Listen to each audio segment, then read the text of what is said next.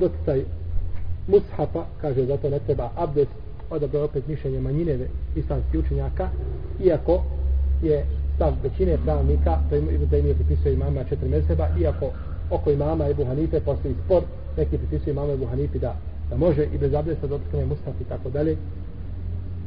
Hadis u kome poslanik sa osvijem kaže la je mesul Kur'ane illa tahir ne može dotaći Kur'an osim čist čovjek. Ovo obuhvaća čistoću kakve vrste i džunupluka i abdesta i sve drugi vrsta. I, i obuhvaća čovjeka da ako čovjek nije musliman i tako dalje. Pa hadis je opće prirode i najbolje bi da se bilo držati da čovjek znači uzima abdest prije nego što uzme musaf u svoje, u svoje ruke. A, oko hadisa postoji spor, neki ga odbacuju, drugi ga pojačavaju i tako dalje. U svakom slučaju to je najjači argument što se tiče abdesta za uzmanje ushafa, a ajet u kome Allah Đelešanu kaže innehu la Kur'anun kerim fi kitabim meknun la je mesuhu ili mutahharun to je časni Kur'an u knjizi pomno čuvanoj ne dotičuje osim osim čisti.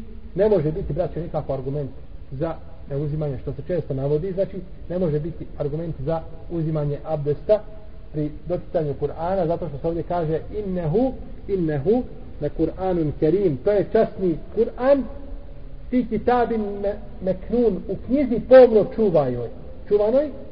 Ne dotičuje osim čisti.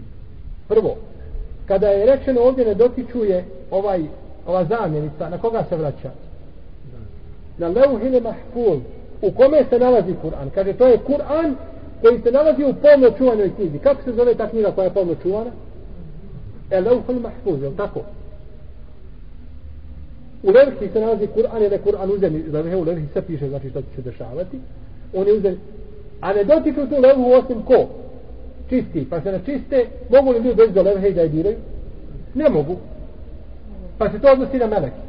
pa znači niti se odnosi na Kur'an niti se odnosi na ljude već se odnosi na šta? Na na mahfuz i odnosi se na šta? Na meleki tako većina mu tefsira tefsiri znači tefsiri ovaj ajet.